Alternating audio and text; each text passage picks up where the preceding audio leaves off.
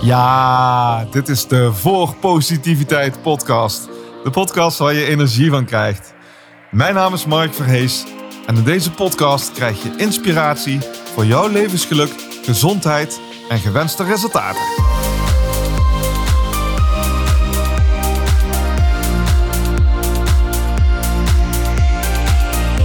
Voor positiviteit. Tijd, tijd, Wauw, ik zit hier bij een heel bijzondere dame aan tafel. Energiek, enthousiast. Eh, iemand die 17 boeken heeft geschreven en in België meer dan een miljoen boeken verkocht heeft. Echt een uh, grootsheid, een bekendheid in België. Sonja Kimpen. Ik voel me echt helemaal vereerd dat ik hier mag zijn, Sonja. Weet dat de eer vooral aan mij is. Heel welkom, Mark. Ik vind het fantastisch dat wij hier live samen aan tafel zitten. Ik heb het eh, zeer grote genoeg gehad om een aantal boeken van je al gelezen te hebben. Uh, met name Sterker dan Stress. Uh, dit is het laatste boek wat ik gelezen heb. Echt heel erg van onder de indruk. Oh, met maar je bent, bent ja, één grote bom van energie, vind ik altijd. Heel energiek en enthousiast. Voordat we precies helemaal in, in wie je bent en wat je doet gaat, zou ik je eigenlijk vragen om een zin af te maken. En de zin is als je me echt zou kennen, zou je weten dat. Als je me echt zou kennen, zou je weten dat uh, ik dit een zeer, zeer moeilijke vraag vind. Als ook dat mensen zeggen, vertel eens iets over jezelf. Um, omdat ik... Uh, ja, ik doe heel veel dingen graag. Ik ben een veelvraat. Ja. En dan als je die vraag krijgt, dan heb je zo ineens zoiets van, oh, nu moet ik het vertellen. Uh, en terwijl dat je het ene vertelt, dan uh, denk je natuurlijk al aan het andere. Dus maar als je maar het hoeft nu niet eens zozeer te zijn over wat je allemaal doet, maar gewoon wie je bent. Ja, dan denk ik dat ik gewoon weg... Uh, ik heb altijd wel een contrastervaring nodig in mijn leven. En dan zie ik dat vooral aan de ene kant uh, hou ik van, van, van drukte, van sensibiliseren, uh, mensen enthousiasmeren, energie overbrengen. Maar ik denk dat ik dat ook maar alleen uh, kan, omdat ik ook heel graag de alleenheid opzoek. Dat ik kan alleen zijn, dat ik kan rustig zijn, dat ik me kan laten terug inspireren door, door alles wat de wereld ons biedt. En ik heb dat contrast echt nodig. Ik heb dat gelukkig heel vroeg ook wel ontdekt. Dus uh, die contrastervaring. Contrast van energie en rust. Ja, en dat je eigenlijk vanuit de rust, als je daaruit van kunt vertrekken, ja, dan kan je eigenlijk die maximale energie uh, ten eerste bij jezelf, maar dan natuurlijk ook bij de andere mensen uh, te werk uh, te bewerkstelligen. Dus ik denk dat het belangrijk is dat je met die twee energieën, want rust en stilte is ook een energie, is, is Ja, een enorme zeker. energie ook. Dus de mensen vragen wel dikwijls van, goh, amai, uw man. Dat ze medelijden met uw man krijgen. Ja, dus ik ben de meest rustige persoon thuis. Dus uh, als je me echt zou kennen, uh, dat con contrast, uh, dat, dat, dat, is toch wel heel duidelijk waar dat mensen dikwijls dan, dat raar vinden. ik sta heel graag voor grote groepen, maar ik vind het zalig van een one-to-one gesprek te hebben, zoals wij nu Ja. ook gaan hebben. Omdat dat toch altijd iets heel speciaals is, van dat je in het nu, met een persoon, de energie kunt laten stromen. Je weet niet wat dat er komt, maar je weet wel, dof is dat fijn gaat zijn. Ja. Dus dat is ook uh, uh, iets, uh, iets typisch misschien. En dan, ja, uh, help me. Want je hebt ook bijvoorbeeld op tv uh, meerdere tv-shows ook gedaan voor uh, hele grote aantallen kijkers. Ben je dan ook bewust bezig om die rust in jezelf op te, op te zoeken? Nu, die of is TV... het dan gewoon echt energie die je overal stuitert? Nu, als ik natuurlijk in, in mijn vak energie ben, om het zo te zeggen. Ja? Hè, dus mijn vak is mensen coachen naar de beste energie om eigenlijk hun droom waar te maken. Uh, ik zal in het hokje worden gestopt van dus, uh, gezondheidscoaching. Maar eigenlijk, gezondheid is zo'n containerbegrip geworden. Ja. Je kunt niet zeggen dat je gezondheid niet belangrijk vindt, maar bottom line geeft dat weinig motivatie. Dus ik zeg altijd aan de mensen, het eerste wat ik zal vragen is in godsnaam, waarom wil je daar moeite voor doen? Je gaat energie krijgen. Wat ga je dan doen met die energie? De waarom-vraag, die Ja. altijd al belangrijk is. En dan merk je, als mensen daar gewoon over nadenken, van ja, daarom en daarom en daarom, ja, dan wordt ineens eh, die karakterstrijd dat sommige mensen willen doen, ja, dan valt dat allemaal weg. Dan wordt dat iets begeerlijk om naartoe te streven van, oh ja, als ik die maximum energie heb, ik kan mezelf opladen. Mensen weten dat dikwijls niet meer. We zijn de, de basale dingen van ons lichaam eh, vergeten. En door die eenvoudige dingen toe te passen, ja, kun je gewoonweg die vlam in jezelf terug ontsteken en kun je hopelijk elke dag doen wat dat je graag doet. Hè.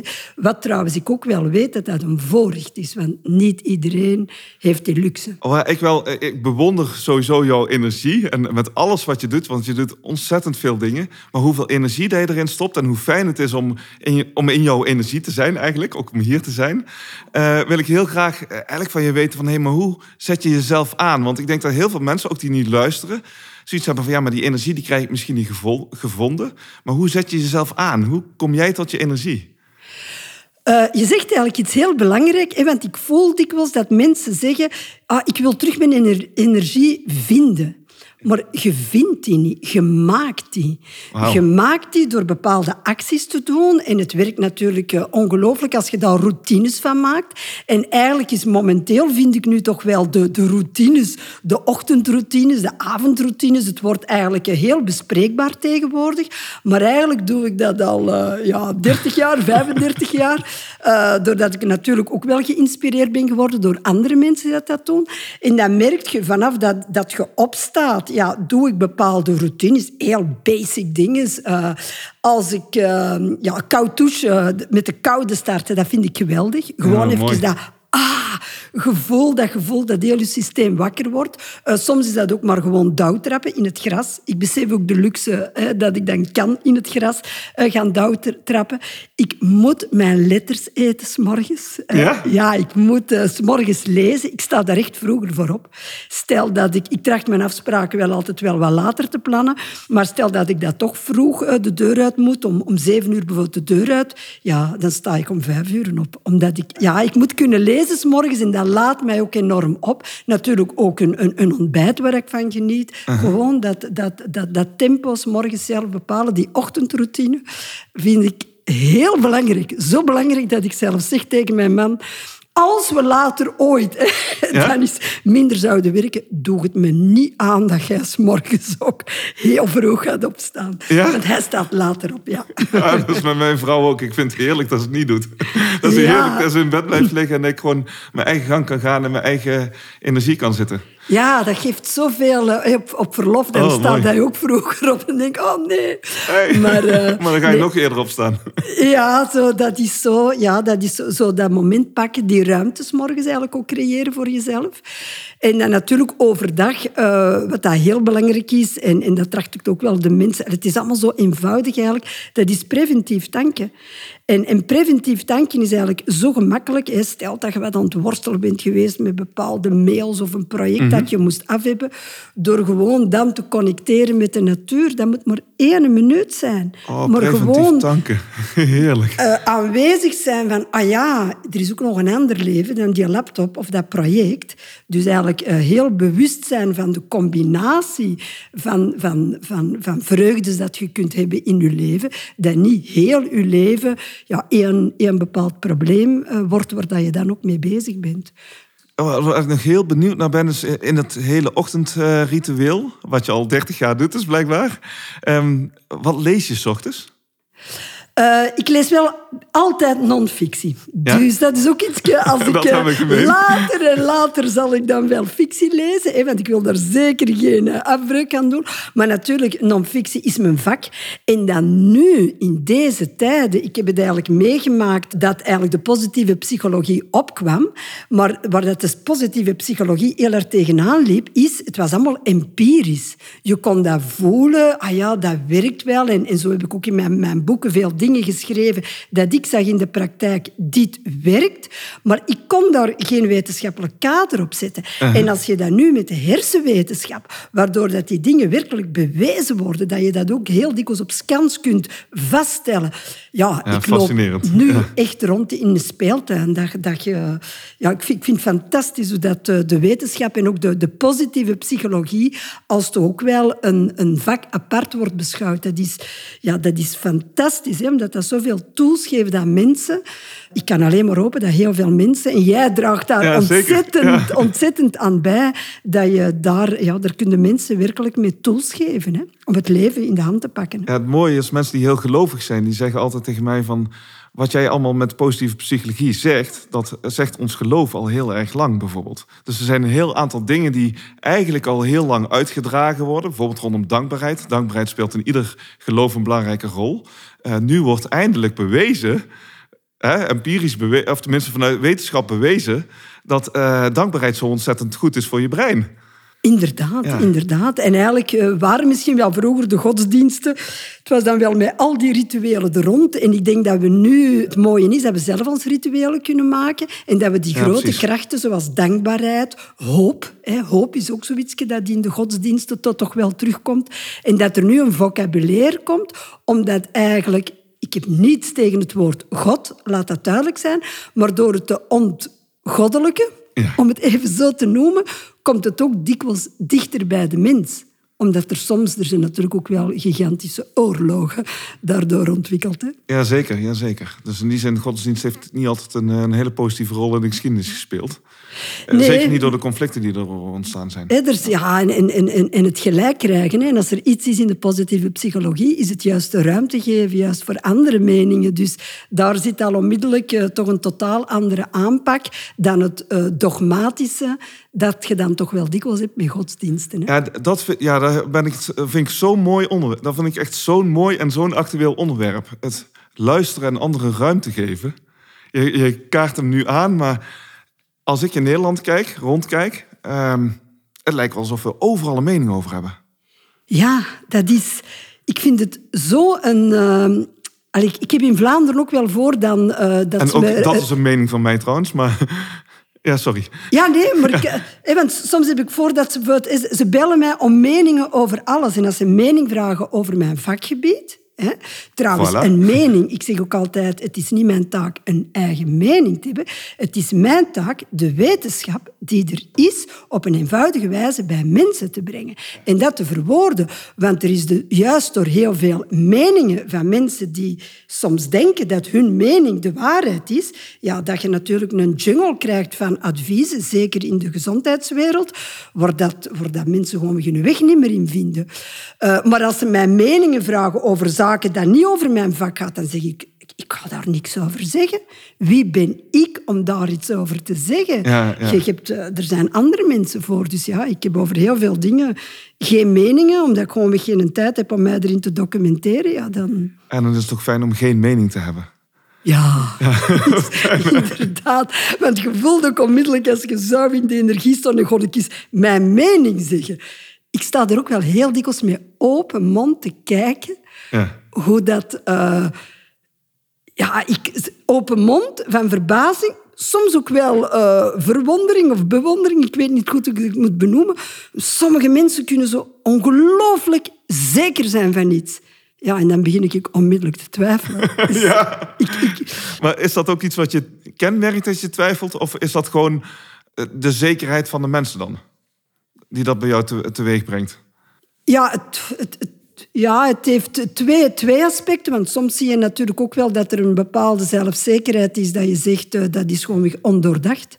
Soms als je een enge wereld hebt, kun je heel zeker zijn van dingen die toch misschien helemaal niet zo zeker zijn. Zelf ben ik eigenlijk niet zo snel van iets zeker. En ik vind ook, ja, de, de, eh, wetenschap is, ook heel voortschrijdend. Dus eh, altijd een stukje twijfel laten ehm, is ook toch wel belangrijk. Hè? Dat is ook Ja. een beetje zelfkritisch zijn. Hè? Ja. Wat, wat, eh, wat ik heel mooi vind, eh, je bent zowel aan de lichamelijke gezondheid als aan de mentale gezondheid ben je heel veel mee bezig. Eh, los van de mentale vind ik het het meest interessante om met jou over te praten, omdat het wel echt ons raakvlak is. Maar ik vind ook altijd hele mooie ideeën hebt over je lichamelijke gezondheid en gezond leven. Je hebt er een hele fijne kijk op. Zou je er iets over willen delen? Ja, gezond leven is natuurlijk... eh, ehm, gezond leven is ergens een... een het is geen doel. Ik denk dat het belangrijk is dat we beseffen dat een gezond leven is eigenlijk een middel om eigenlijk uw fantastische, unieke instrument dat je van de natuur hebt gekregen, met alles erop en eraan, uw ingewanden, uw spieren, alles erop en eraan, en zeker ook uw hersenfuncties, om die optimaal in te zetten. En ons lichaam heeft eigenlijk niet zo heel veel nodig om ons de beste energie te geven. Maar er is iets heel venijnig wel. Het lichaam verwacht dat elke dag. Je kunt niet zeggen, ah, ik zal in het weekend wel eens goed eh, eh, 40 uur, uren slapen en dan voor de rest van de week ga, ga ik niet meer slapen. Of ik ga dan heel gezond eten en dan niet meer gezond eten of water drinken alleen in het weekend. Dat gaat niet. Het is een kwestie van elke dag. Dus de kunst is een soort eh, bewustzijn op te bouwen om toch goed voor dat lichaam te zorgen. En daarbij, Mark, helpt die dankbaarheid wel heel goed.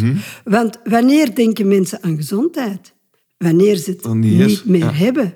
En het is zo spijtig dat we eigenlijk niet elke maand een briefje krijgen door goed voor onszelf te zorgen van welke ziekte we niet gehad hebben. Ja, Dat weten we nooit. Dus het is ergens eh, goed voor onszelf zorgen om eigenlijk je lichaam niet te voelen. Want wanneer je je lichaam wel voelt, is er gewoonlijk wel ergens een probleempje. Tenzij natuurlijk de bruisende energie. Ja. En eh, door, maar natuurlijk, ik zeg ook altijd, het gaat eigenlijk niet over bewegen en over voeding. Dat is wat men altijd maar denkt. Oh ja, en dan moet ik karakter hebben en bewegen en voeding. Het gaat gewoon eigenlijk over die gedachten. Het gaat er gewoon, die, die klik in, in, die, in, in die hersenen van... Oké, waar, waar wil ik voor, voor gaan in dat leven? En dan komt de rest wel, wel vanzelf. En dan wordt bewegen en, en voeding iets heel gemakkelijk. Maar de meesten fixeren altijd maar op, dat, op die beweging en die voeding. En daar wordt dan een hele karakterstrijd eh, rond ontwikkeld. Terwijl dat juist die bewuste aandacht geven aan, aan je lichaam vraagt mentale vaardigheden Ja. en bewustzijn. En die vaardigheden kun je voor alles gebruiken. Dus ja, ik zeg in mijn seminar zeg ik altijd, ehm, als je last hebt van je linkerteen, van je linker grote teen, eh, houd het dan ook bij die linker grote teen. En ga vervolgens al je negen andere tenen af. En wees dus dankbaar dat, ze gewoon, dat je er geen last van hebt en die goed functioneren. En, super. en mensen beginnen altijd meteen te lachen. Van, hè, maar je linkertenen heb je dan toch last van? Ik zeg, ja, maar ga je eens heel je lichaam af waar, wat allemaal goed functioneert. En wees Super. daar gewoon eens van, bewust. Dan heb je ook een veel mooier totaalplaatje eigenlijk. En kan dat eh, al die, die andere cellen die nog goed werken, die helpen natuurlijk ook helend voor dat ene stukje dat op dat moment wat minder energie heeft. Dus dat is een prachtige herkadering. Mooi. Ja, want alles is balans natuurlijk. Want het is helemaal niet erg als, als je ergens last van hebt. Het is zelfs wat je zegt van ik heb bepaalde contrasten nodig om ook gewoon, gewoon drive te hebben en energie te hebben. Ja, want nu dat je het woord balans gebruikt... eh, goh, ik vind dat dat woord, als er één woord eh, stress momenteel en ziekte veroorzaakt, vind ik wel het woord balans. Ja, mooi. Dat is misschien heel gevaarlijk Ja, om dat nu hardop te zeggen. Ja, omdat eigenlijk... Ik ben heel benieuwd. Balans is, is, is op zich toch eigenlijk onnuttig. In die zin, wanneer je in het leven eh, wilt groeien, je wilt zaken realiseren, je wilt je doelen waarmaken, ja, dan ga je eigenlijk per definitie uit balans. Uit je comfortzone. Want anders zit je altijd in je eigen ja, eh, klassieke wereldje waar dat je niks leert. Dus we, we moeten, we willen natuurlijk uit balans gaan om daarvan te genieten. Maar een lichaam en een geest moeten veerkracht hebben om te kunnen uit balans te gaan. En dan terug te weten, en dan komen we weer tot dat rustpunt. Dit is mijn, mijn rustpunt, mijn ruimte voor daarvan uit te vertrekken. Dus hoe sterker dat we worden, daarom dat dat boek ook noemt sterker dan stress. Ja. Het is toch het laatste wat dat je wilt, dat is de stress uit je lichaam, uit uit je leven volledig bannen. Want juist Uh, wat stress is eigenlijk een neutraal woord. Dat is opwinding. Oké, er is negatieve stress. Ik heb dat ook wel genoeg Ja, porties gehad in mijn leven. Maar laat ons ook niet dat positieve van, van stress zien. En als we dan... Waarom kunnen we de stress tegenwoordig niet aan? Waarom zijn er zoveel ziektes, stress gerelateerd, eh, depressies en ook burn-out en dergelijke? Het is een energiecrisis. Ja, omdat we eigenlijk die basis zelfzorg niet meer doen. Ja. Dus daar zit een heel grote oplossing. Ja, want ik had van tevoren ook gezegd van, van goh, ik heb één boek. eh, ik wil er altijd gewoon even één boek bij pakken waarvan ik zoiets had van, nou weet je, dat wil ik echt helemaal gelezen hebben, helemaal tot me genomen hebben. En dat is ook een fijn onderwerp voor het gesprek dan. Dus ik zei van, nou, ik heb het boek Sterker dan Stress eh, gelezen. Ik heb het heel lang eh, in mijn kast gehad, heel, heel eerlijk. En eh, ik ben er nooit eigenlijk aan begonnen. Oei, grote weerstand dus. Nee, geen, geen weerstand. Eh, alleen ik ervaar voor mezelf eigenlijk soms te weinig stress. Ah ja. Ik zeg mooi eigenlijk, want eh, stress, eh, ik probeer juist altijd heel veel vrijheid voor mezelf te creëren, waardoor ik heel weinig stress heb. Maar dat wil dus ook zeggen dat ik eigenlijk iets vaker uit balans zou moeten. Denk ik. zou veel dat zou goed zijn ja. voor mij ook. Ehm, maar toen ik het begon te lezen, nou echt, mijn mond viel open. Mijn mond viel echt helemaal open. Dat is echt gewoon zo'n enorme rijkdom wat er in het boek staat. Maar zeg, make my Ik, maar het is ook veel en veel completer dan het woordje stress eigenlijk. Het gaat Ja. echt over je leven. Ja, ik heb met die, met die titel, ah, boeken en titels, hè, dat is altijd toch wel Ja. zo'n moeilijk ding. Eh, De ondertitel is Weten wat je wil en haal meer uit je leven. Had dat misschien beter de hoofdtitel geweest? Want Ja. daar gaat het boek echt over. Ja. En dat maakt het ook voor mij echt zo'n verademing om te lezen. En ik heb echt heel vaak op de bank gezeten. En eh, waar ik ook zat te lezen, dat ik echt gewoon de pen erbij pakte en begon te strepen. Oh, wat zegt Sonja dit mooi. En dan word ik helemaal enthousiast. En denk echt, wel, ja, ik ben er helemaal mooi over de verdieping die je overal in vindt. Echt fantastisch. Mijn Mark, dat vind ik een heel mooi compliment, want ik weet dat je heel belezen bent. Dus eh, ik, dat neem ik dan als een heel mooi compliment. Er zit ook echt absoluut onderdelen in, in, in een boek waarvan ik dacht van, nou weet je, daar wil ik meer van. Daar wil ik meer van. En ik lees heel veel inderdaad. En het gebeurt heel vaak dat je herkenbare dingen tegenkomt. Maar hier zaten echt gewoon heel veel mooie verrassingen in. Ik vond het, het gedeelte van de wensenboom... Eigenlijk, want wat je zegt, eh, ik wil het niet voor je invullen... maar focus op wat je wil is een hele belangrijke reden... om een antwoord te hebben op je stress. Ja, inderdaad. Wanneer we heel goed weten wat we willen in het leven en daar ook wel eens tijd eh, voor vrijmaken, ja, dan krijg je die, die mogelijkheid om heel snel prioriteiten te kunnen stellen. En zie je ook snel, dit is triviaal, er moeten gewoon geen aandacht aan besteden. Geen, geen, geen, Ja. ja, dikwijls, eh, ik bedoel dit niet oneerbiedig, maar als we te weinig weten wat we willen, gaan we soms op den duur problemen maken. Hè? Ja, dan, dan wordt die dag gevuld en dan moet dat... Ja, dan, dan, ja, dan gaan we zeker, zeker niet de, eh, de mooie invulling per dag hebben. En dat is dan eigenlijk ook wel zonde. Hè? Ja, dat is zeker heel erg veel zonde. En als je weet wat je wil, ik merk ook altijd dat dat toch... eh, je moet daar niet elke dag dan terug uw wensenboom of uw doelenboom, wat ik als werkinstrument gebruik, vastpakken.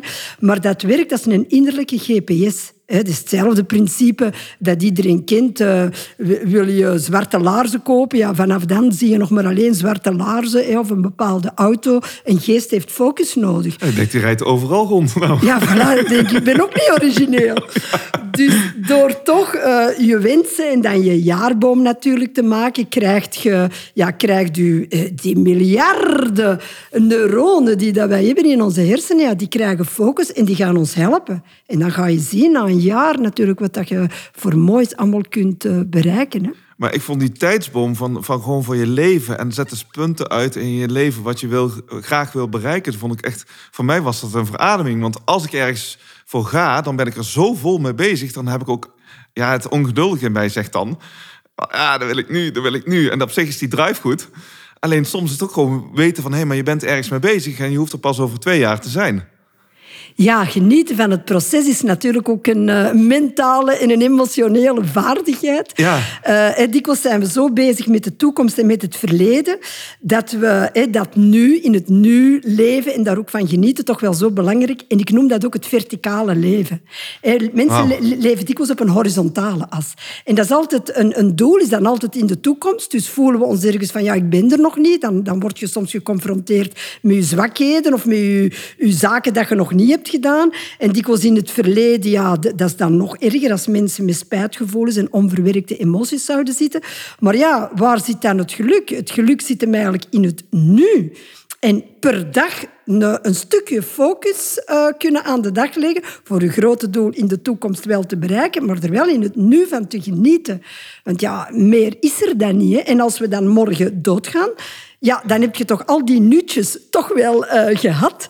Uh, waarbij ik niet wil zeggen dat het verlangen naar iets bepaald, uh, een, een bepaald doel te bereiken in de toekomst. Het verlangen is ook ontzettend mooi. Hè? En ik denk dat het verlangen, terug in het nu verlangen, ik, ik kan echt wel genieten van de, de verlangenergie. als je aan verlangen denkt, heb je dan nu een bepaalde energie waar je, waar, waar je naar verlangt?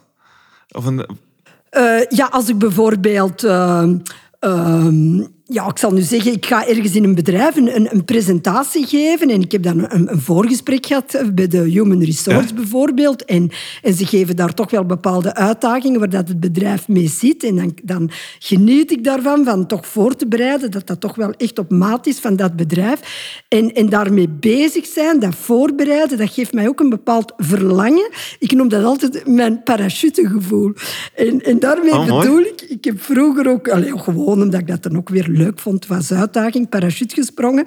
En, en het, het, was zo, ik had die cursus gevolgd en het was altijd te slecht weer, maar wij mochten nooit niet springen. En op de, want het was te veel mist, en het was te veel wind, en het was altijd iets. En op de deur had ik zo een verlangen, ik wil uit dat vliegtuig springen. Ja? En ik noem dat dus nu altijd van, je, je bereidt je voor op winnen moet je voorbereid zijn. En dan toch ook al op voorhand verlangen van... Ah, ik, ik, ik, ik ga die mensen... Of ik hoop dat ik die mensen toch goede tools kan geven. Of als je voor een grote zaal is geeft, dat je ze toch wel ja, een stukje uit hun dak kunt laten gaan om, om, een, om hun grote energie te kunnen ja, sensibiliseren. Dan, hè. Dus ik verlang daar dan wel naar. Ja. En dat, dat is eigenlijk ook altijd het... het uh, ik ben klaar. Het gevoel van ik ben klaar. Ik heb dat wel moeten leren. Omdat ja, perfectionisme, je wilt dingen goed doen. Ik ben er wel mee in het reinen. Ik ga voor het optimale. Ik weet dat perfectionisme niet, niet bestaat, maar ik vind dat wel een mooi streven. Maar opti optimalist is eigenlijk veel mooier dan perfectionist, toch? Ja, omdat ja, perfectionisme, wat is tenslotte perfect? Natuurlijk, ik vind het ook wel belangrijk dat we naar het beste streven als we de pretentie hebben, zeg ik dan, van te coachen of op een podium te staan. Want ik ben me zeer bewust, als ik geen waarde geef, dan voel ik mij een grote dief. Omdat ik tenslotte de tijd steel dan van de mensen. Als mensen er ook nog voor, voor, voor, voor betaald hebben, ja, dan je, je moet met, met, met dat gegeven zeer respectvol omgaan. Dus het is, een, uh, het, het, is mijn grote uh, plicht, met alle plezier, mijn plicht en mijn plezier daar het beste van, van te maken. Maar we kunnen natuurlijk maar binnen de omstandigheden altijd het, het optimale uh, bieden, wat dat op dat moment mogelijk is. Hè. Soms zijn er factoren ja, die dat Maar door dat zeer serieus te nemen en daar heel gedegen voorbereiding mee bezig te zijn en te zorgen dat je in de juiste energie zit, kun je ook leveren. Kun je ook leveren. En, en, en dan heb ik wel geleerd ook dat het voor mezelf belangrijk is voor te zeggen, Sonja, je bent klaar. Dat ik voor mezelf kan zeggen, ik heb er alles aan gedaan om er het beste van te maken. Ja, en dan moet het in het moment gebeuren. Dan, dan moet je het ook kunnen loslaten. Ja. want anders word je... En ik was vroeger wel een, een stresskieken, ook omdat ik zo ja? was. Ja, was en ben. Ben ja, ik vind dat daarom ook geen negatieve eigenschappen niet meer. Maar eh, heb je dat nu nog steeds? Want je, je staat al heel veel jaar op het podium. Ja. Faalangstig? Nu, ik, eh, als ik ga, presenteren, ik doe dat met alle plezier. Dat is een van de grootste ja? geneugden in mijn leven, waar ik toch echt wel kan van genieten. Maar uh, ik vind het heel gezond van toch aan heel mijn systeem te voelen ja, dat, er, dat er toch wel wat opwinding is. Zo een, een, een ja, zo, ja, wat zenuwachtigheid. Hè? Ja, hey, wat meer naar het toilet moeten gaan dan normaal. En, uh, maar ja, kan de focus moeten pakken. Ja, voilà. Of als je... Ik heb zo'n paar heel mooie uitdagingen ge, ge, gekregen in Vlaanderen. Ik heb kunnen meedoen aan, uh, Sterren op de Dansvloer of De Grote Sprong. Hè. Waar we dan toch, uh, toch wel spectaculaire duiken moesten leren in het water. Ik mocht dat doen samen met mijn zoon. Ja, dat doet... Je wilt dat op dat moment. Je weet dat er ook wel... ja, dat er veel kijkers zijn. Ja, dat moeten presteren dan op dat moment. Ja, ik vind dat wel, wel leuk. Maar ook voor, voor een publiek. En ik denk, als ik die zenuwen, die positieve uh, arousal of, of zenuwen niet meer zou hebben, dan denk ik dat het tijd is om te stoppen. Ik, ik heb dat uh, fragment teruggekeken. Van, uh, van boven vanaf die hoge toren uh, in het water duiken met anderhalve salto. Ah, is dit? Maar wat ik echt prachtig vond, is de focus van tevoren. De, helemaal de voorbereiding. Je, voor mijn gevoel was je helemaal in een zone waar je zelf wilde zitten... om daar die, de perfecte sprong te maken. Ja dat, ja, dat je heel goed gezien. Dat is wel, dan moet je zelf... Allez, daar, uh, uh, je moet in, in de zone zijn... Trouwens, ik heb ook één keer gehad dat een sprong mislukt was. En oh, die dat heb ik dan niet gezien. Maar... Die, ja, die, die, die is ook nog wel ergens op internet te vinden. Maar ik ben dan terug die, die toren opgegaan, terwijl dat er anderen zeiden, ja, ik doe het niet meer. En, en, maar dat moment dan om terug die focus te pakken, alles uh, in een lege ruimte te komen, en totaal niet aan te trekken van de mislukking die er dan juist is gepasseerd. Ja, ik vind dat ook wel heel boeiend. Ik vind dat heel ja. boeiend. En ik merk eigenlijk ook, je kunt dat even in een Trouwens, extreme situatie, dat heeft niks met leven en dood te maken. En laat het duidelijk zijn dat ik stress noem. Ja, dat staat ook wel heel mooi. duidelijk in mijn boek. Vanaf dat er leven en dood hè, met te ja, maken heeft. Levenskwesties. Levenskwesties. Hè. Ja. Dus laat dat heel duidelijk zijn, want ik wil niemand niet bruskeren. Maar die kans die dat ik dan heb gekregen, in dat moment moeten presteren. Uh, je leert daar wel vaardigheden. Ik, ik, heb ook een vriend, een mental coach, die, die topsporters op heel hoog niveau coacht. Die heeft mij ook wel technieken geleerd. En ik vind het dan heel boeiend dat ik die eenvoudige technieken ik, ik vind het ja. altijd bizar hoe eenvoudig dat de technieken zijn. Kun je ook aan mensen geven in het dagelijkse leven. Ja, en, en zo... Want ik hoor je ook heel veel met, met metaforen praten, met uh, in lege ruimte komen. Ik vond het echt prachtig wat je zegt. Van, nee, maar als je dus je, je voorbereidt en je alle negatieve ervaringen die je, die je misschien net ervoor hebt gehad, je die even achter je laat. Achter je laat. Ja. En vervolgens in een lege ruimte komt waarin nieuwe dingen kunnen ontstaan. Ik vind dat heel mooi. Ja, en jij zegt het eigenlijk nu ook heel mooi, maar zo is het eigenlijk. Dat je eigenlijk een, uh, terug die lege ruimte creëert, de geest leegmaken. Dat vind ik ook zo fantastisch aan, aan, aan koud zwemmen bijvoorbeeld. Ik, ik ben heel blij dat ik in een koud zwembad kan gaan. En gewoon telkens elke morgen die beslissing... Allee, beslissing, ik moet er niet, niet zwaar over nadenken, maar gewoon, ik ga dat doen. is gewoon inmiddels. Ik ga dat doen. En dan gewoon die, die vijf stappen naar het zwembad en erin gaan dan ben ik me zeer bewust van volledig leeg te zijn. Er is ook geen spatje van, van twijfel. En dan ga je in dat water en dan... Wow, en dat je dan voelt dat dat hele systeem natuurlijk even wordt geactiveerd. Dus daar, daar kun je eigenlijk elke morgen, je hebt dat ook met een koude douche, kun je naar die lege ruimte gaan. Ik doe het. Het moment van ik ben er klaar voor, ik doe het, focus. En dat geeft je ook direct kracht dan, denk ik? Ja, kracht, je weet dan heel goed wat dat je moet doen. En je komt natuurlijk, als je heel veel, als je iets routinematig, hè, duizend keer geoefend hebt en mhm. duizend keer gevallen bent, uh, ja, dat zit dan, dan is dat wel fantastisch, hoe dat je dat als een routine dan uitvoert, hè, zonder nadenken. Ja, en dat is de mooiste flow dat je kunt hebben. Hè. Hoe, hoe zit uh, routine? Ik vind uh, een van de belangrijkste routines om te hebben, persoonlijk, vind ik dankbaarheid. Hoe zit dankbaarheid in jouw dag? Ja, dat zit zelfs niet in mijn, dag, in mijn dag. Ik denk dat dat uh, in elke cel van mijn, van mijn lijf uh, ja, getatoeëerd is. Ja? Ik, ik, kan, ik kan niet anders zeggen. Uh, door natuurlijk een, een omstandigheid in, in mijn leven. bij, bij onze ja? zoon, onze oudste zoon Niels voor, voor het heel, heel kort te zeggen, dat de luisteraar... Dus de, uh, onze zoon had dan een hersentumor. Hè, en het was ja, echt leven of dood. Hoe oud was hij toen? Hij was acht jaar. Ja. Acht jaar. Hè. We hadden ook juist alle leningen getekend. De, de tractor stonden op grond waar wij ons grote sportcentrum gingen bouwen. En, en dan, ja... was van alles gaande in je leven, ja. Ja, en dan, uh, ja, onze zoon een tumor. En dan natuurlijk is dat nog maar alleen geldig in het leven. Dan wil je niet weten hoe dat ik dan in, in, in de auto, als ik dan alleen was. Want mijn man en ik, wij wisselden af in de kliniek. Hij heeft drie maanden in de kliniek gelegen. Heb gegild en geroepen. De vraag die natuurlijk niemand moet stellen is van waarom? in het begin, eh, als we niet getraind zijn, stellen we natuurlijk die vraag: waarom ik? Waarom moet ons dat overkomen? Waarom? Eh, eh, ja, en we dragen bij een gezonde levensstijl. Allemaal vragen waar je natuurlijk nooit een antwoord op krijgt. En lang verhaal kort, hij is er doorgekomen. Na sch uh, schedelopera schedeldakkenruif en hersenoperatie en dergelijke. Hij is er doorgekomen en wij hebben nog ons kind. Ja. Maar wij hebben in die periode ook heel veel mensen zonder kind zien naar huis gaan. Als ik daar nu nog maar gewoon aan denk, dan, dan... Dus die mensen, terwijl ik hier nu praat, die leven met dat verlies van dat kind.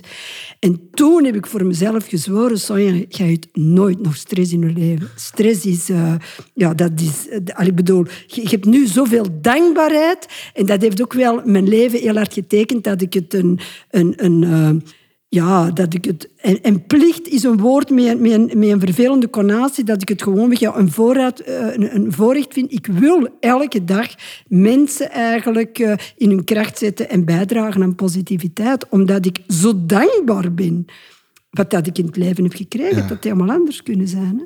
Het bijzondere is, je schrijft ook al in het boek, van als je dus, net als met je zoon, zo'n heftige dingen meemaakt, is dat je soms ook gewoon echt een andere kijk krijgt op, op op hele belangrijke dingen. Of, of hele belangrijke en op, vooral ook op minder belangrijke dingen.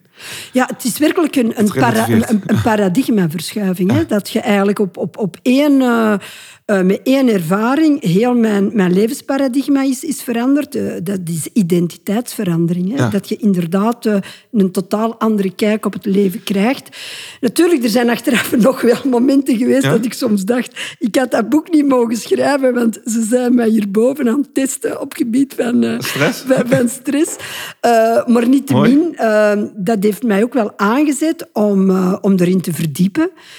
Om erin te verdiepen. Trouwens, ook als ik mensen coach naar gezonde levensstijl, ook mensen met, met, met een afslankdoel, ja, daar komt zo dikwijls dat woord stress naar, naar boven. Hè, dat eigenlijk uh, heel dikwijls is het, is het mensen coachen naar organisatieprincipes eigenlijk. Ja. Organiseer je leven. Er komt al ongelooflijk ver mee. Ook de stress te herkaderen.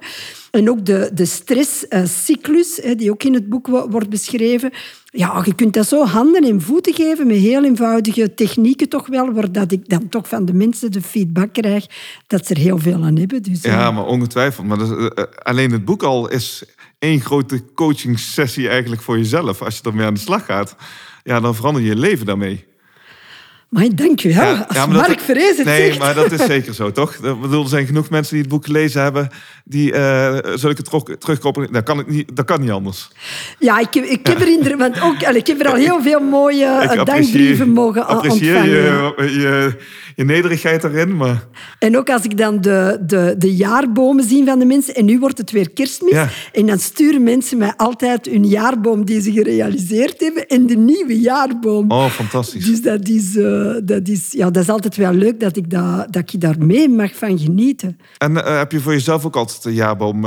Ja, en het begint nu al te kriebelen. Hè? Ja? Van uh, er terug, uh, uh, ja, mijn nieuwe boom.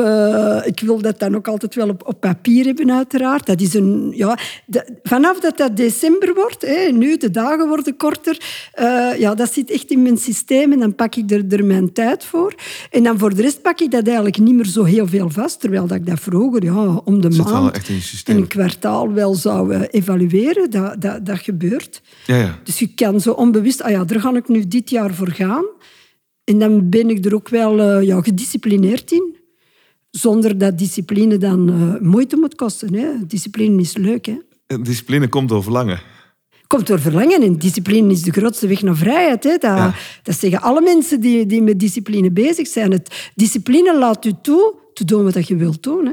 Hoe Ja. erg kan het zijn? En ik hoor het elke dag. Ah ja, en als ik eens meer dit en als ik... Ik zou zo graag dat... Ja, er is een beetje dat, dat, gebrek aan, aan discipline kunnen we ook wel trainen. Hè? Ja, precies. Maar dat is bijvoorbeeld met dankbaarheid ook. Ik zeg altijd van, goh, als je elke dag drie dingen benoemt waarvoor je dankbaar bent, ben je over een maand een stukje gelukkiger. En eh, die belofte doe ik ook. En daar beweer ik ook echt van, ik geloof er ook echt in.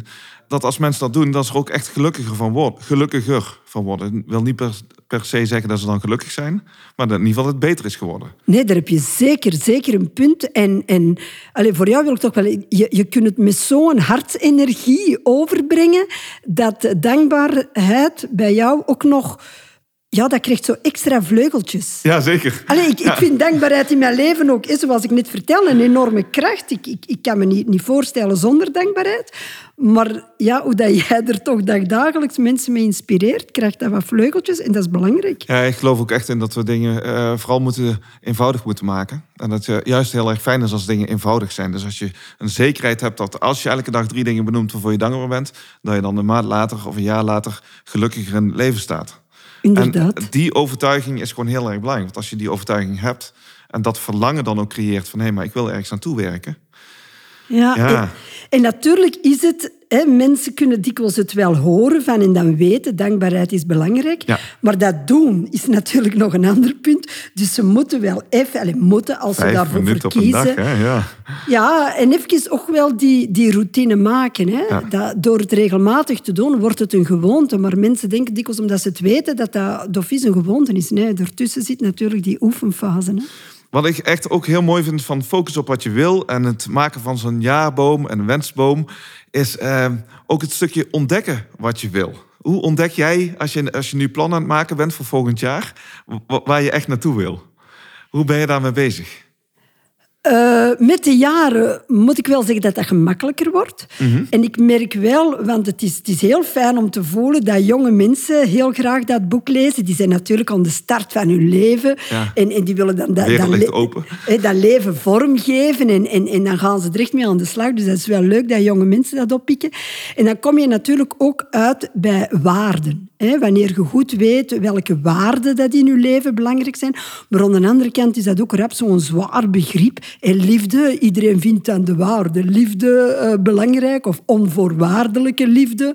Tot dan uw liefde dan is een uh, scheve schaatsrijd, dan is die onvoorwaardelijke liefde ineens weg. Terwijl dat ik dan zeg, nu wordt het interessant om Ja. daarover na te denken. Want Ja. eh, dat je dat ook weer die handen en die voeten geeft. Dus ja, uw waarde in uw leven bepalen. Ik ben er toch in het verleden ook wel heel hard mee aan de slag gegaan. Alhoewel dat ik dat, dat eigenlijk eh, wel moeilijk vond. Maar ik merk dan met ouder te worden... Hoezo bedoel je? Ja, dat je dat, dat, je dat moeilijk vond. Had ik Ja, om, omdat je zo, zo gemakkelijk dan, dan vervalt in, in grote begrippen, maar je hebt ze door je leven nog geen inhoud kunnen geven. Hè, Stelt dan liefde, eh, liefde, zorgzaamheid, eh, volhouden. Positiviteit. Ja, positiviteit. Ja, oké, je hebt nog niks negatief meegemaakt, dan is het gemakkelijk voor positief te zijn. Begrijpt je? Liefde. Ik, ik ben met mijn man al, al, al, wij zijn al samen van, van Dumajora, dus we kennen meer dan 35 jaar. Ja, dan zijn er wel momenten geweest dat je dat wel even kwijt bent geweest. Allee, Ja, ik, moet daar niet, ik moet daar niet onnozel over doen. Maar dan kun je dat begrip, die waarde, liefde... Dan krijg je de kansen om het in te vullen Ja. en het te leven. En, en dat is wel met waarde. In het begin zijn dat ook allemaal containerbegrippen. Iedereen zet gezondheid bijna op de eerste plaats. Ja. Maar kijk naar de acties. Ja, Dus een ja. waarde heeft maar eigenlijk zin als er acties tegenover staan. Terwijl een gezond lijf hebben is ehm, bijvoorbeeld ten aanzien van gewicht in principe wat je ervoor moet doen niet moeilijk. Nee, in principe totaal niet. Nee. Iedereen weet wel wat, wat ze daarvoor moeten doen. Maar, eh, en dan komen we natuurlijk tot, wel, tot, tot, tot, tot een heel belangrijk punt. En, en ook alle mensen die met gezondheidscoaching of ook mensen trachten eh, kilootjes te laten Ja. vermageren. eh, heel veel kilootjes zijn natuurlijk ook die onverwerkte emoties. Als we er meer in, in, in zouden kunnen trainen en dat heel goed bespreekbaar maken, dat mensen hun emoties ineens kunnen processen, wat ook weer een vaardigheid is. We kunnen ook eh, sterker worden in emoties processen. Ja, dan moet dat niet overgaan naar dat copinggedrag van roken, eten, drinken. Allee, dat zijn de klassiekers, hè? klassiekers van dingen niet te voelen. Dus er is ook een, een totale verarming aan voelen. En ik denk niet alleen een, een verarming, een, een onwetendheid. Ze, ze- mensen voelen iets ongemakkelijk, dat, dat willen ze kwijt. Ja, en, en, en, en eten, dan gaat het nog niet over voeding, want het is geen broccoli gewoonlijk. Ja. Dus eh, eten en bepaalde dingen drinken kan dat perfect verdoven. Hè? Ja. Waardoor we natuurlijk in een negatieve, vicieuze cirkel komen. hè. Maar eigenlijk meer voelen. En meer ook je, je emoties verwerken. Dus wat je meegemaakt hebt. Ja, durven voelen. Hè. Als, als, als zijn bij je emoties is eigenlijk een enorme skill. Hè. Is, is een enorme skill. En ik denk ook wel, wij zijn eigenlijk ook allemaal de pioniers Als ik naar mijn grootmoeder, uh, Ja. uh, in de tijden, die hebben ook dan ook de, de Wereldoorlog uh, meegemaakt, ja, die zijn getraind in niet voelen. Hè? Niet voelen, hè? doordoen. Hè? Zien dat er dagelijks iets te eten is en dat er iets van geld was. Dus zij, zij hebben ook waarschijnlijk, alleen niet waarschijnlijk, ze hebben heel veel angst gevoeld. Dat was surviven. Hè? Het, het, het voelen is ergens ook wel een luxe. Hè? Maar een, een, hele goede luxe, denk ik. Een zeer, een zeer goede luxe. Want maar... zonder te voelen is leven eigenlijk vlak. Is het heel vlak, ja. Maar heel dikwijls willen mensen wel de plezierige dingen voelen. Ja. En plezierige verrassingen, maar willen we niet het... Soms zeggen mensen als ze voor coaching komen... Oh, Sonja, ik, ik, ik wil mij beter voelen. Ik, ik, ik, ik, ik heb zo'n last van mijn gevoelens en het is allemaal zo zwart, et cetera. Zeg, oei, wilde dan de zwarte gevoelens niet meer voelen? Nee, nee, ik wil het echt rooskleurig. Ik zeg, ja, dan kan ik niks voor u doen. Het, het leven is het ganse palet, hè. Ja, dat vind ik zo mooi dat je dat zegt. Want er is ook mensen, als ze tegen mij zeggen van... Uh, oh, oh, je bent voor positiviteit, bent altijd met positiviteit bezig... alsof ik dan wegloop voor het negatieve. Ik zeg juist, het is heel erg belangrijk om het negatieve gewoon volledig te aanvaarden... en ook gewoon volledig te voelen. Inderdaad, en, en, dat komt door het contrast. Ja. Dan ga je ook weten wat dat positief is. Inderdaad, ja, ja inderdaad. En het mooie is, van, ik heb natuurlijk heel veel met mijn moeder meegemaakt. En die, die is in de eerste golf van corona overleden. En dan kom je echt in een, in een, in een wereld van onmacht terecht. Ja. Net als in het ziekenhuis kwam te liggen. en dan is het echt gelezen. super interessant om te kijken wat je dan doet. En dat je dan merkt van, hé, hey, maar je kunt ook gewoon de liefde nog steeds opzoeken. Ja. En, en door dan op zo'n moment de liefde op te zoeken, krijg je een hele fijne balans en een hele fijne omstandigheid eigenlijk. Ja, je hebt daar een heel mooie energie ja. gecreëerd. Hè? Dat je Ja. eigenlijk een liefdeslijntje hè, via, de, via de, ja, de elektronische middelen dat we tegenwoordig Door hebben. video's op te nemen en naar mijn moeder te laten zien, eh, kon zij de liefde van ons voelen. En gaf zij de liefde weer terug. En was de liefdeslijn inder- inderdaad gewoon gelegd. Ja, dat en is het- dan is het ehm, de onmacht voelen. En vervolgens ook kijken van... hé, maar wat is eigenlijk wat we willen? Want dat was eigenlijk de vraag die we stelden. Van ja, we willen ons mam laten weten hoeveel ze om geven. En door die vraag te beantwoorden van... hé, maar hoe kunnen we te zorgen, ervoor zorgen dat ze dat ook echt nu voelt? In deze moeilijke tijd. En dat maakt echt zoveel vrij voor iedereen. En dat, ma- dat maakt ook dat mijn moeder heeft toen nog vier dagen geleefd.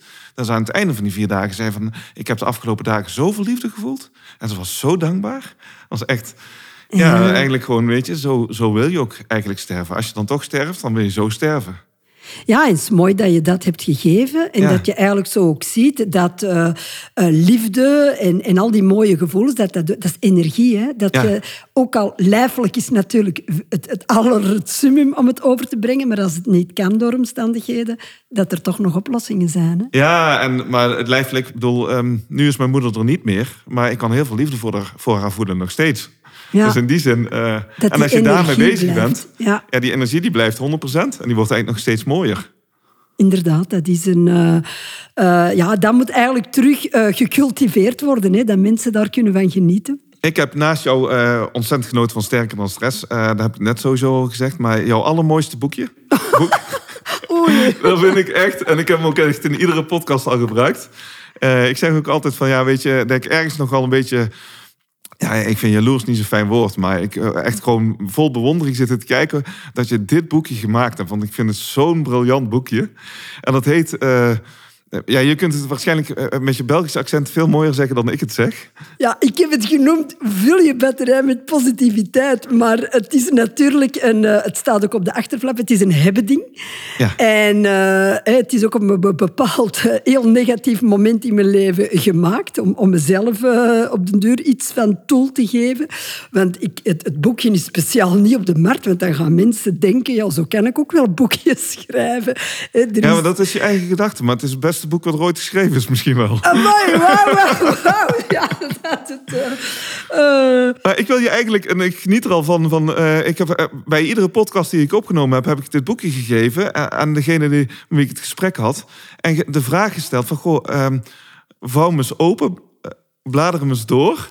En op de pagina waar die stilvalt, om de woorden die daar staan voor te lezen. Ja, en er één een- woord dan uit te kiezen. Waar je het graag over wil hebben? Ik vond het echt een eer dat jij dit kleine hebben ding uh, Ja, je hebt het zelf ooit gegeven, dus... Ja, dat was fantastisch. En nu vraag je Ja? dat ik dat ook doe. Ja? Oké, dan gaan we de kosmos een blad laten kiezen. Ik ga niet kijken en ik doe het nu open. Oh, mooi. En wat zie ik hier De, staan? de woorden, ja. Ja, inspannen, gul, keigoed, parel, gezin, omhelzing. En het is nu de bedoeling voor jou dat ik er één woord uit Waar gaat je gedachte naartoe? Dan ga ik energie? onmiddellijk naar gul. Gul.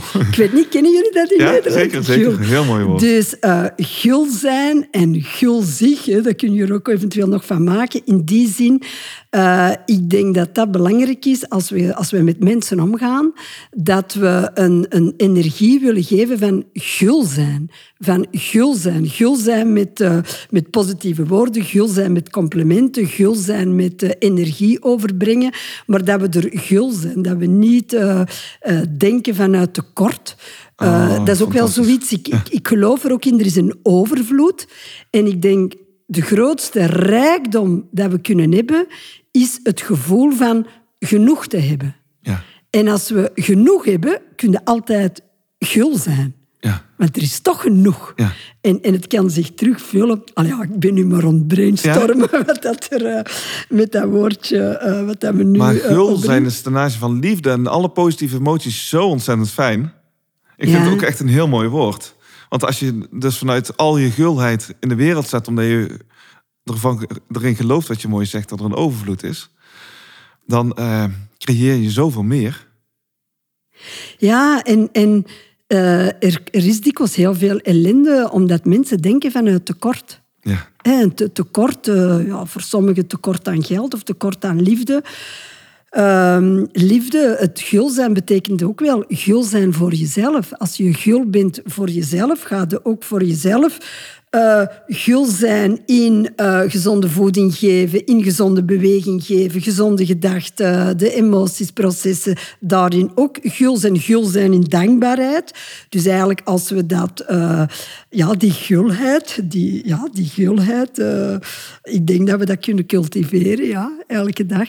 Trachten gul te zijn en, en er echt van overtuigd te zijn dat we genoeg hebben. En eigenlijk ook weer, ja, contrast, heel goed weten dat veel mensen niet genoeg hebben. Hè. ja. Daar ben ik me ook wel heel hard van bewust. Dus dan... ja dan- dan, maar dan is ook nog de vraag van wat, wat hebben ze dan niet genoeg, hè? Ja, maar ik denk dat natuurlijk nu, ja, je moet maar nu op een vluchtelingenbootje zitten. eh, ja, die- d- dan is er echt wel niet ge- genoeg geweest, toch niet, om, om daar te leven of, of, of te veel ellende. Eh, de gelukszoekers dan eigenlijk. eh, Ja. ja. zo is Maar er dat zijn bezittingen. Ja, maar ik denk ook bezittingen, als we daar niets belang aan hechten, dan zegt dat ook maar, denk ik, dat je genoeg bezittingen hebt. En dan Mhm. Ja, denk zeker, ik nu zeker. gewoon aan, aan, een, aan huis, een onderdak, eh, warmte, eten. En Ja, als we de, de simpele... Veiligheid, vrijheid, ja. De, de, de piramide van, van, van Maslow, die, die nog altijd wel, eh, to- toch wel goed werkt. Ja, als je dat hebt, ja, dan kunnen we ook gemakkelijker praten over... Ah ja, en nu die zelfverwerking, heel die positieve psychologie, is daarom ook ergens een, een luxe. Een luxe hè? Die zelfverwerking, het is bewezen. Als die basisaspecten bij mensen niet zijn gerealiseerd, dan heb je geen spirituele behoefte. Dan heb je geen... eh, eh, ja, dan ben je daar gewoonlijk niet mee bezig. Hè? Allee, gewoonlijk, hè? alle uitzonderingen. Maar de, de kunst is natuurlijk ook op het moment dat het tegen zit, om dan eh, te, wel bewust van te zijn dat er overal toch nog gewoon een overvloed van is. En, en, eh, maar dan bedoel ik, heb ik het met name over de gevoelens die je voor jezelf kunt creëren, de, ehm, de dankbaarheid die je voor jezelf kunt creëren. Ja, ik, ik, ik denk dat ik, dat, dat, ik begrijp wat je bedoelt, maar dan krijg ik onmiddellijk een beeld. Ik moet dan maar eens met mijn twee kinderen op een roeibootje zitten en die, Ja, en die, ik, en die van de honger. En dan dankbaar zijn, ja, dan, ga ik het er, dan weet ik toch voor mezelf dat ik het dan toch wel veel, veel laat. Dan zit op survival, hè. dan is het angst. Hè. Angst, hè. raak ik ten eerste de oceaan over? Ga ik ze kunnen eten geven? Die, die mooie gevoelens in een echte angstsituatie, ja, dan moet je zeer spiritueel verlicht zijn, denk ik. Dan heb je het over de levenskwesties wel, hè? Ja, overleven bijna. Ja, Hè? En ja. ik denk dat als je dan aan, aan, aan kin- kinderen zijn, zijn er dan op wel een, een gevoelig onderwerp. Hè? Ja, ik vind dat ook wel. eh, ik heb natuurlijk een boek geschreven over eh, levenslust. En dat gaat eh, veel over het verwerken van verdriet. Ja, Het verwerken van het verdriet van het overlijden van mijn ouders. ik heb het gelezen, En- zeer goed. Ja, ja. En ehm, wat ik nu terughoor, is mensen die bijvoorbeeld hun kind verloren zijn.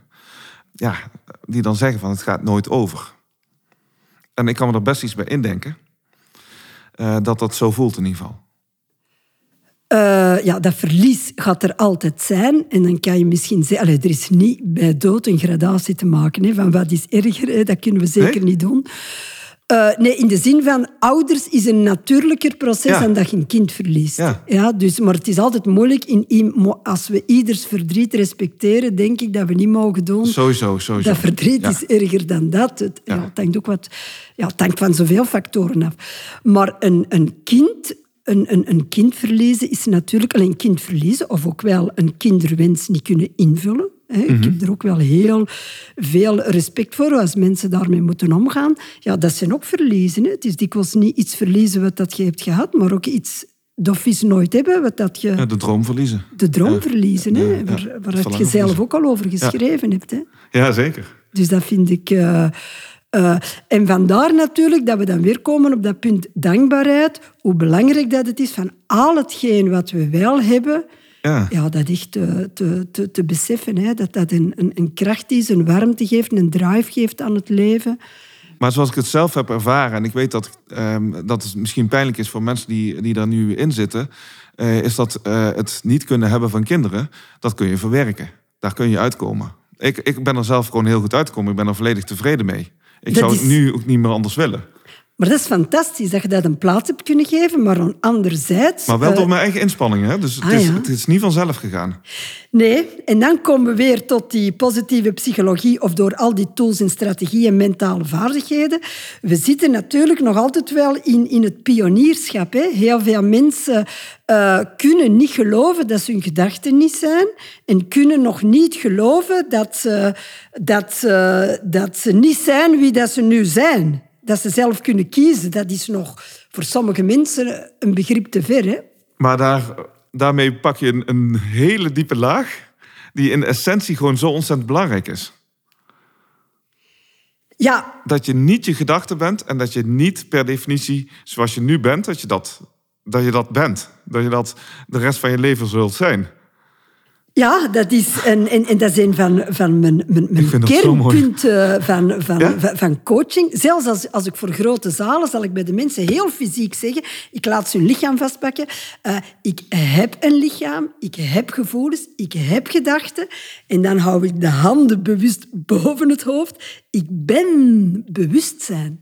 En als we vanuit Oh. dat bewustzijn kunnen kijken naar die gedachten, naar die gevoelens, naar dat fysieke lichaam, ja, dan zie je pas hoeveel ruimte dat er is om daar veranderingen in te brengen, als je dat wenst. Hè. En eh, waarom zou je dat wensen?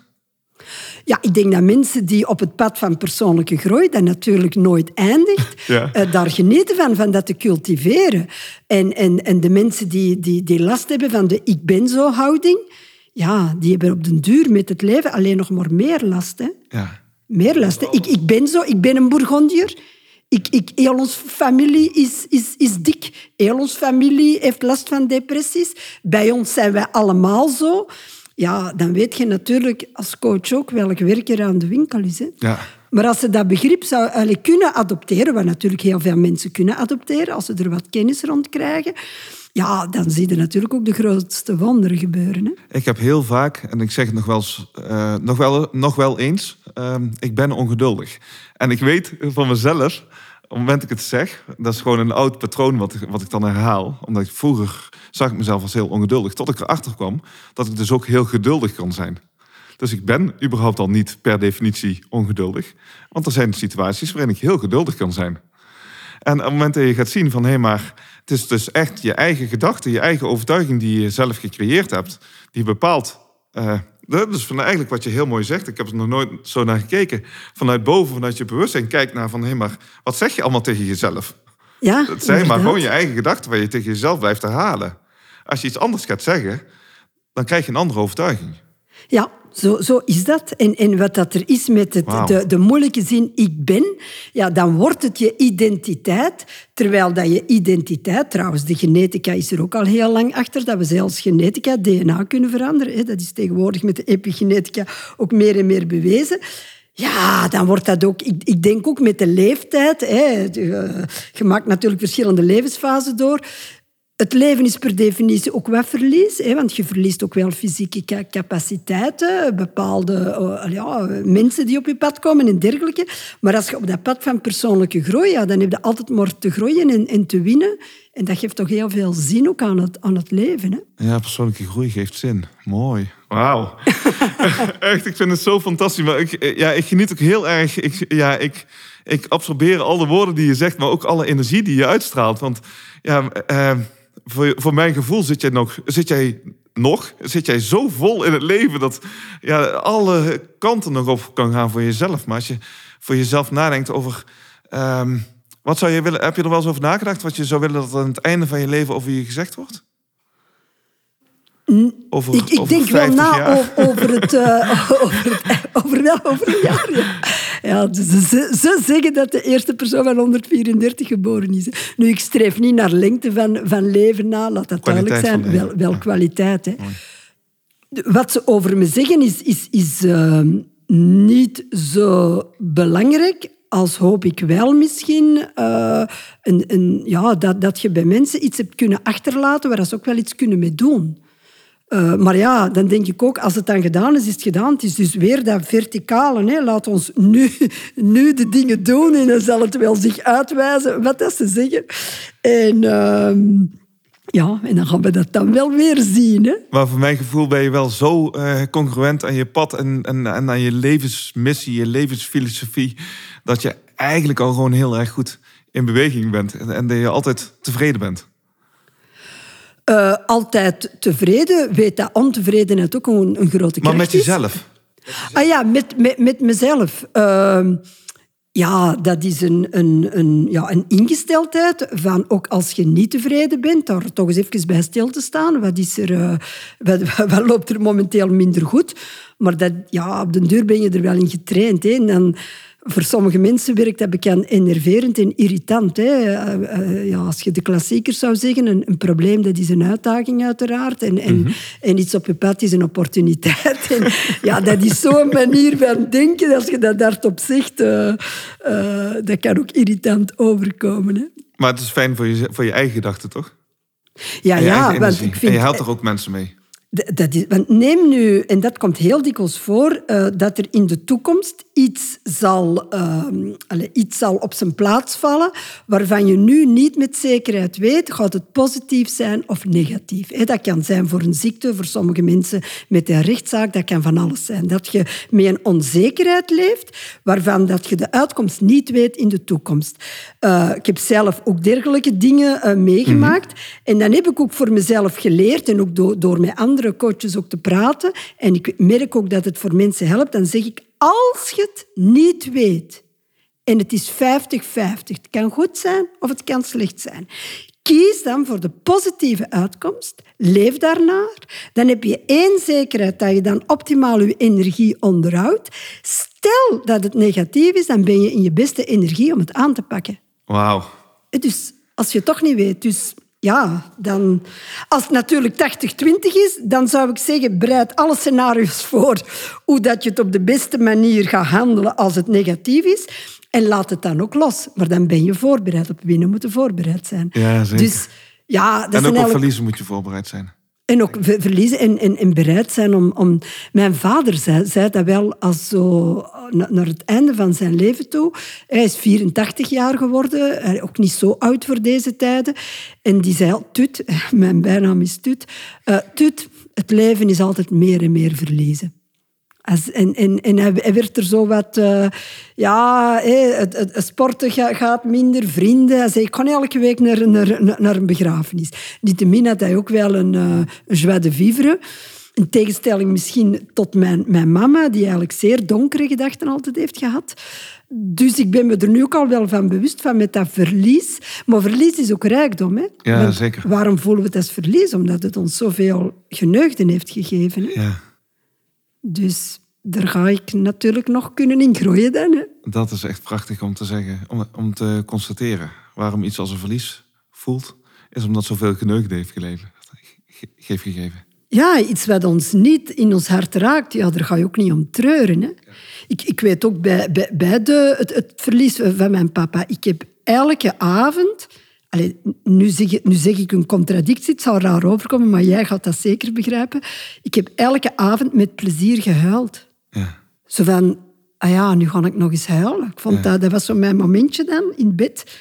Zo even huilen. Ja, maar huilen kan heel fijn zijn. Ja, dat je dan voelt, eh, dat, ja, dat doet ook niet zomaar. Hè. Dat is omdat er iets is geweest. Hè. Anders eh, doe je dat niet. Of kun je dat niet. Hè. Want ja, huilen is ook wel een, een oerkracht. Hè. Eh, als ik je hoor van jouw vader, dat is het laatste wat ik eigenlijk nog. Want we, ja, we kunnen uren praten, van mijn idee. Um, het, het leven is steeds meer verliezen. Ik heb bij jou echt het gevoel van het leven is steeds meer winnen. Zo, misschien door die, die uitdrukking van mijn vader. Uh, het is daarom niet dat ik die als, als waarheid wil aannemen. Daarom dat ik daarnet ook zei, er valt nog heel veel, veel te groeien.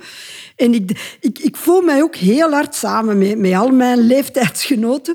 Wij zijn de pioniers, hè. Vroeger was het eigenlijk rond ja, pensioen, zeiden ze dan, 65 jaar. En dan ja, rond de 70, dan was het echt uitbollen en gedaan. Terwijl dan nu, er is nog een enorme vitaliteit op 70, op 80 jaar, mensen van 90 jaar, zelfs 100 jaar. Maar eigenlijk zijn wij wel pionierend in hoe gaan we met die, die extra leeftijd om. Hè? En leeftijd, ik zie dat graag met een koppelteken tussen. Oh, fantastisch. Mooi. Dankjewel, Sonja. Ik heb echt ontzettend van je genoten. Uh, ik zou ook echt iedereen willen aanraden om uh, regelmatig het boekje van Vul je batterij met positiviteit. Of met positiviteit, zoals jullie zo mooi zeggen. En uh, vooral ook het boek Sterker dan Stress uh, te lezen. Omdat dat echt gewoon zo'n totaalplaatje heeft. En ik geloof ook echt dat iedereen er wel iets heel moois uitpakt. Ik heb dat in ieder geval ook voor mezelf heel erg gedaan. En ook uit dit gesprek, dankjewel in ieder geval daarvoor. Je bent echt een prachtig mooi persoon. Dankjewel, Mark, voor deze kans uh, bij jou zo een eh, one-to-one leuk gesprek te kunnen hebben. En doe verder met al dat moois dat jij in de wereld zet. Ja, dat doen we zeker. Dankjewel. Wauw. Dankjewel voor het luisteren naar de Voor Positiviteit podcast. Ben je geïnspireerd door deze aflevering en wil je nog meer positiviteit in jouw leven? Ga dan naar voorpositiviteit.nl slash spreuk van de dag en je krijgt elke dag de beste positieve spreuk gratis in je mailbox. Abonneer je natuurlijk ook even op deze podcast via je favoriete podcast-app. Elke keer als er dan een nieuwe aflevering voor je klaar staat, krijg je automatisch een berichtje. Persoonlijk vind ik het altijd gaaf om van jou als luisteraar te horen hoe deze aflevering je geraakt heeft. Heb je een bepaald inzicht gekregen? Of wil je graag iets delen over deze aflevering? Laat dan alsjeblieft een reactie achter op voorpositiviteit.nl slash podcast. Nogmaals, hartelijk dank voor het luisteren en graag tot de volgende keer.